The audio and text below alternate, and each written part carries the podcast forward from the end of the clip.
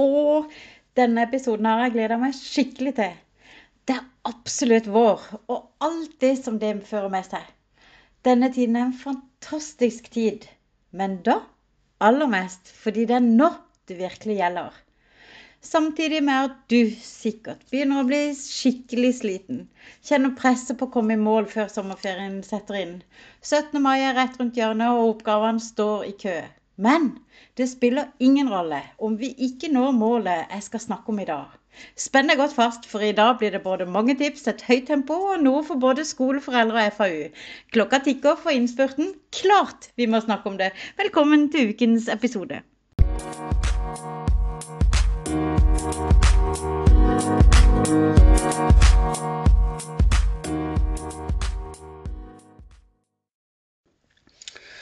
Tine Hoff er den første og eneste antimobbeentusiasten i Norge som ser på arbeidet mot mobbing fra alle tenkelige vinkler. I dag har jeg tenkt å pirke litt i den ordinære versjonen av tiden på våren. Ja, og da mener jeg pirke i hvilke verdier som faktisk er de viktige. Om en skreller bort lag på lag ut fra hva det er som virkelig betyr noe når alt kommer til alt tingene vi skal snakke om, er viktig for alle. Både barn i barneskolen, for ungdom i ungdomsskolen og videregående. Akkurat som jeg er helt sikker på at det er viktig for deg også.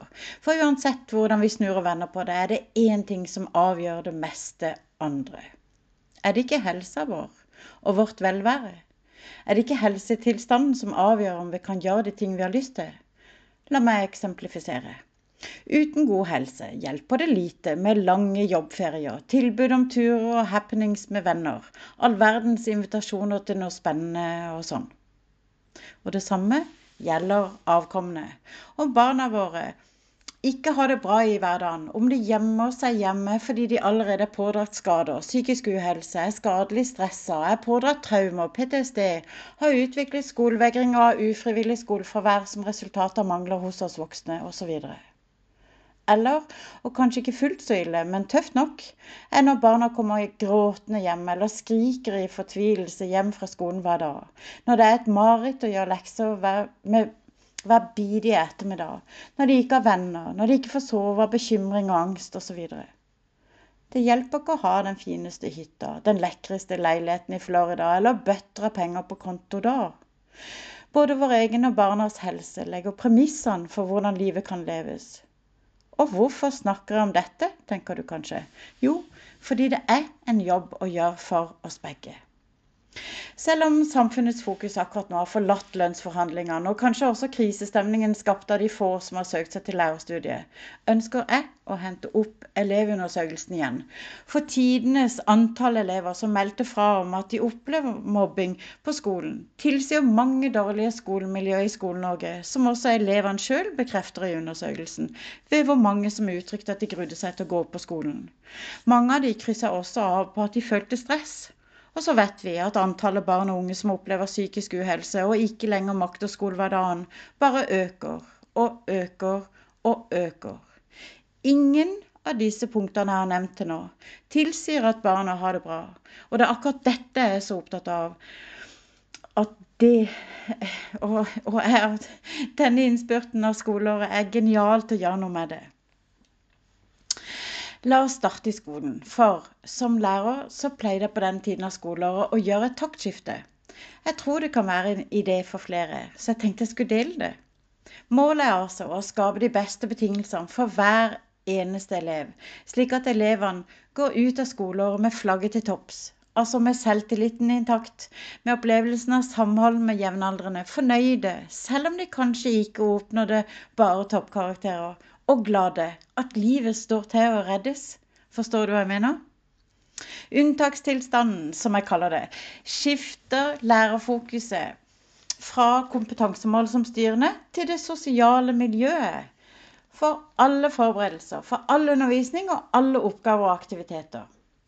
Ofte er jo klasserommene fylt med slitne elever på denne tida.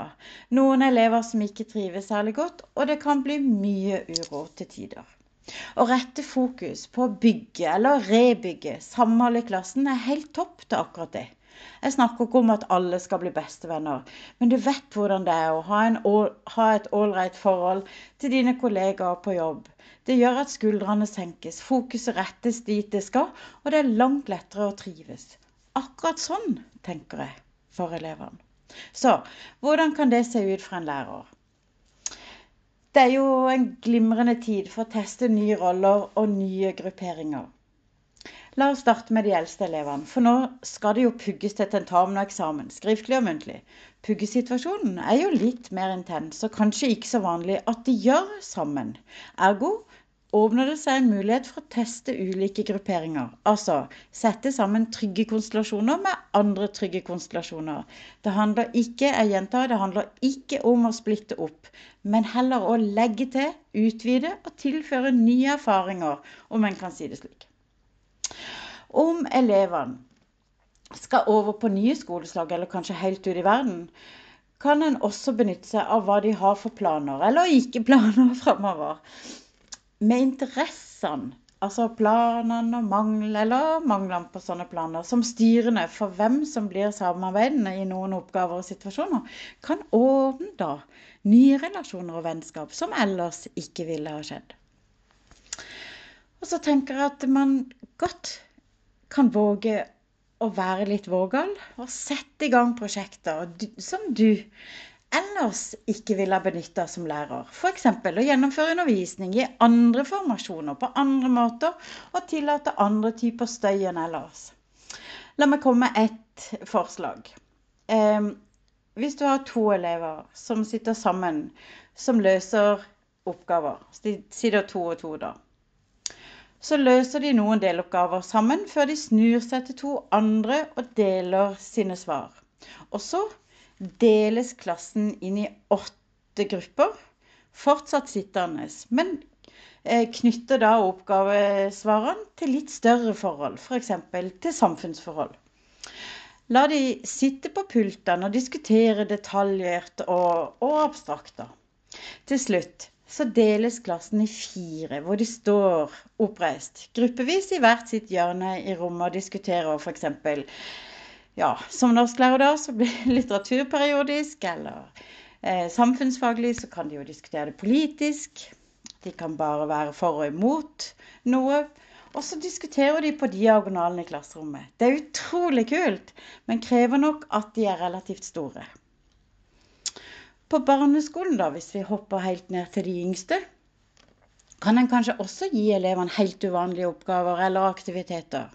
Kanskje kan de oppsummere skoleåret og så pitche det for elevene i klassen under. Ja, til og med besøke barnehagen og fortelle de om det første trinn vi snakker om her.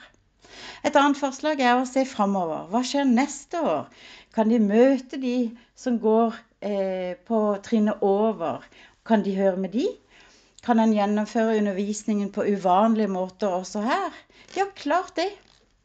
Også disse situasjonene kan åpne for å teste nye grupperinger, legge til og utvide erfaringene elevene imellom, så lenge de trygge konstellasjonene får lov til å bestå. Uansett, og som det må regnes med, så vil jo du i læreren kunne bomme. Men da er det jo bare å plukke opp tråden igjen i neste time og timen etter det. For du kan også vinne og ha lagt til rette for nye konstellasjoner med store positive ettervirkninger.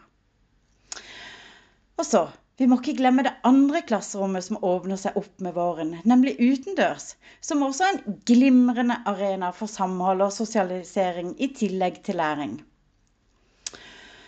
Jeg har også lyst til å nevne orientering som undervisningsform. Jeg har kjørt det både utendørs, men også i gangene inne på skolen.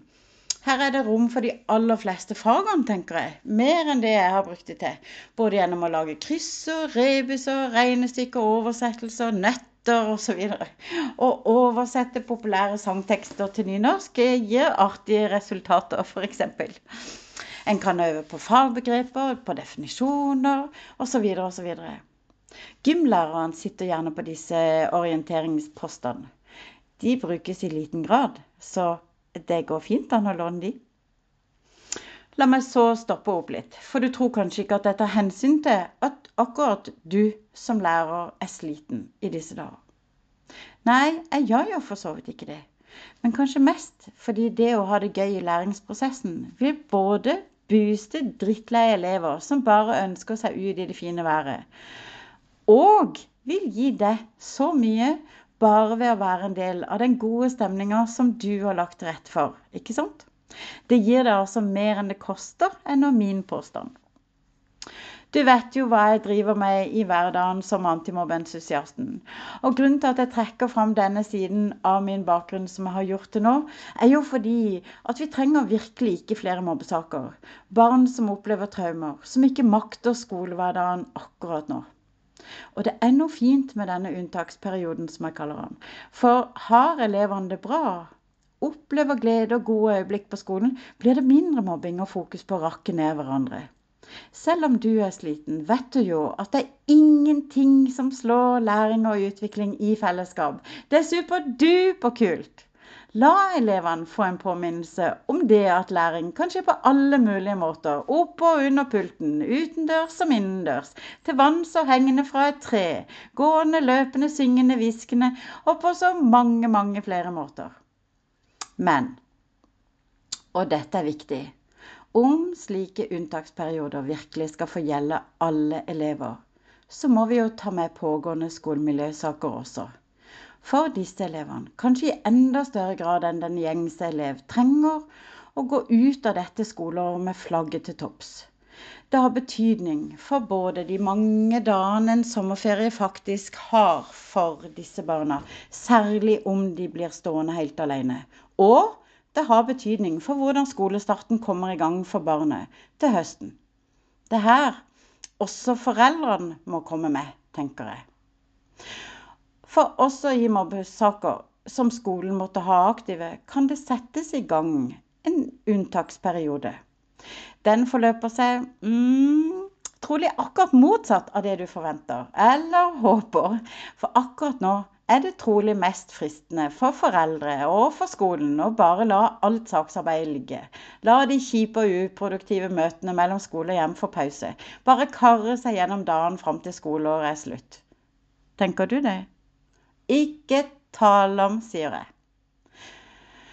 Jeg foreslår heller at både skole og hjem og alle andre voksne involvert i mobbesaken kaster motarbeidelsene på båten. Blås i kampen mellom dere voksne om hvem som har rett, hvem som blir fornærma, hvem som skulle ha gjort hist og hint. Bli heller enige om ett, kun ett mål dere skal oppnå for barnet før skolen slutter for i år. Jeg anbefaler økt møtefrekvens og eller økt kontakt mellom skole og hjem. Det viktige er at dere kommer noen vei. Altså sørge for at barnet dere skal hjelpe, opplever seg sett, og kanskje at det skjer noe. Da gjelder det at infoen flyter kjapt, ofte og ærlig, mellom skole og hjem. Det er ikke lov til å anklage den andre part i en sånn situasjon. Kun lov til å informere om det som skjer. Fra foreldre til skole, f.eks. om barnet kommer gråtende hjem. Eller fra skole til hjem om hendelser som skjer på skolen. Våg å lytte til barnet. F.eks. å slippe barnet ut når det ber om det. Eller søke løsninger som virker for barnet. Selv om det er litt utenom de normale prosedyrer og regler på skolen. Jeg sa også 'vær ærlig'. F.eks. trengs det en langt større romslighet for å sende hverandre melding om at du som forelder ikke har fått det til i dag, f.eks. legging og soving i tide. Eller at du som lærer ikke så barnet før det var for seint og det dermed ble en hendelse. Og så hver seg og sammen gå aktivt inn for å prøve igjen i morgen. En helt annen ting. Hvis barnet sliter med å være i klasserommet, er det andre steder det går an å være mer og sammen med de andre, som utendørs, i skogen, på stranda, i gymsalen, på skolekjøkkenet osv. Er det noen sted det er lettere for barnet å være sammen med alle, eller i hvert fall flere av de i klassen? Sånn. Vi må rekke litt om fritiden også. Bare for å ha bokstavert foreldrerollen her, skal initiativet, altså unntaksperioden, få best effekt for barnet, må foreldre og FAU også med på fritiden. Til deg som forelder, kan det skje noe mer på ettermiddagen? Kan det tas en fisketur på en ukedag? Hva med et middagsbesøk, eller invitere seg på middag en ukedag? En helg på telttur? Eller en felles lunsj i gata dere bor, hvor alle tar med seg til seg og sine på en lørdag eller en søndag? Går det an å ordne til et garasjesalg, eller eh, holde en garasjekonsert hvis eh, dere har noen barn som liker å synge, danse og spille? Hva med nabolagsrydding av lekeplassen? Eller går det an å lage en ny 17. mai-tradisjon? Tradisjon på parkeringsplassen i borettslaget eller lignende. Klart det må skje langt flere ting enn én i perioden fra i dag til skoleslutt, men du skjønner tegninga og vet hva ditt barn liker, og hva dere kan få til i dagene som står igjen. Helt til slutt til FAU. Om elevundersøkelsen avslører dårlige tall for skolemiljøet, mobbing, skolevegring som har blitt til ufrivillig skolefravær, vold osv., har også FAU godt av å gå ut av sin vante rolle på den tiden, som fokuserer bare på 17. mai og alle sommeravslutningene, og heller kneppe opp på aktivitetsfronten på ettermiddagen og kveldene fram til skoleslutt. FAU kan fint hjelpe. Med dårlige skolemiljø kan FAU-gjøremålene kastes på båten og heller rettes mot det å skape knallgode elevopplevelser før elevene går ut i sommerferie. Så til slutt, uansett hvor sliten du er i rollen som lærer, forelder eller FAU, kan jeg love deg at et barn som faktisk har det bra, vil være den beste gaven du kan få som takk for strevet du tenker at jeg maner opp til akkurat i dag. Jeg lover det. Det er verdt hver eneste svetteperle. Og du, da? Tenker du kanskje. Skal ikke du hjelpe til? Jo, klart jeg skal det. Og det kommer jeg til nå. Har du spørsmål, trenger du hjelp, eller bare noen å diskutere ulike ideer eller ting eller hendelser med, så tilbyr jeg nettopp det. Opptil en halvtimes telefonsamtale, helt gratis fram til skoleslutt. Det eneste du trenger å gjøre, er å finne meg i sosiale medier på Instagram med hendelen Hoftine, altså H-O-F-F-T-I-N-E, eller på Facebook Antimobbeentusiasten. Og du, ta heller kontakt. En gang for mye enn en for lite. Er ikke farlig. Og verken biter jeg eller sparker gjennom telefonen. Jeg håper peptalken jeg har gitt deg, har gitt deg litt å tygge på. Litt motivasjon for å ende skoleåret for barna et litt annet sted enn til tilfeldighetene. Og at du ser at det krever litt, men at du får så mye igjen for det ved å fokusere på dette. Kanskje har du fått noen ideer til hvordan du kan gå i gang, for det er ikke til å komme unna. Nå er det kun opp til deg. Ikke glem det. Jeg ønsker deg masse lykke til og er det slitsomt å gå løs på oppgaven, så har jeg allerede lært deg trikset. Husker du? Fem, fire, tre, to, én, og gå i gang. God uke.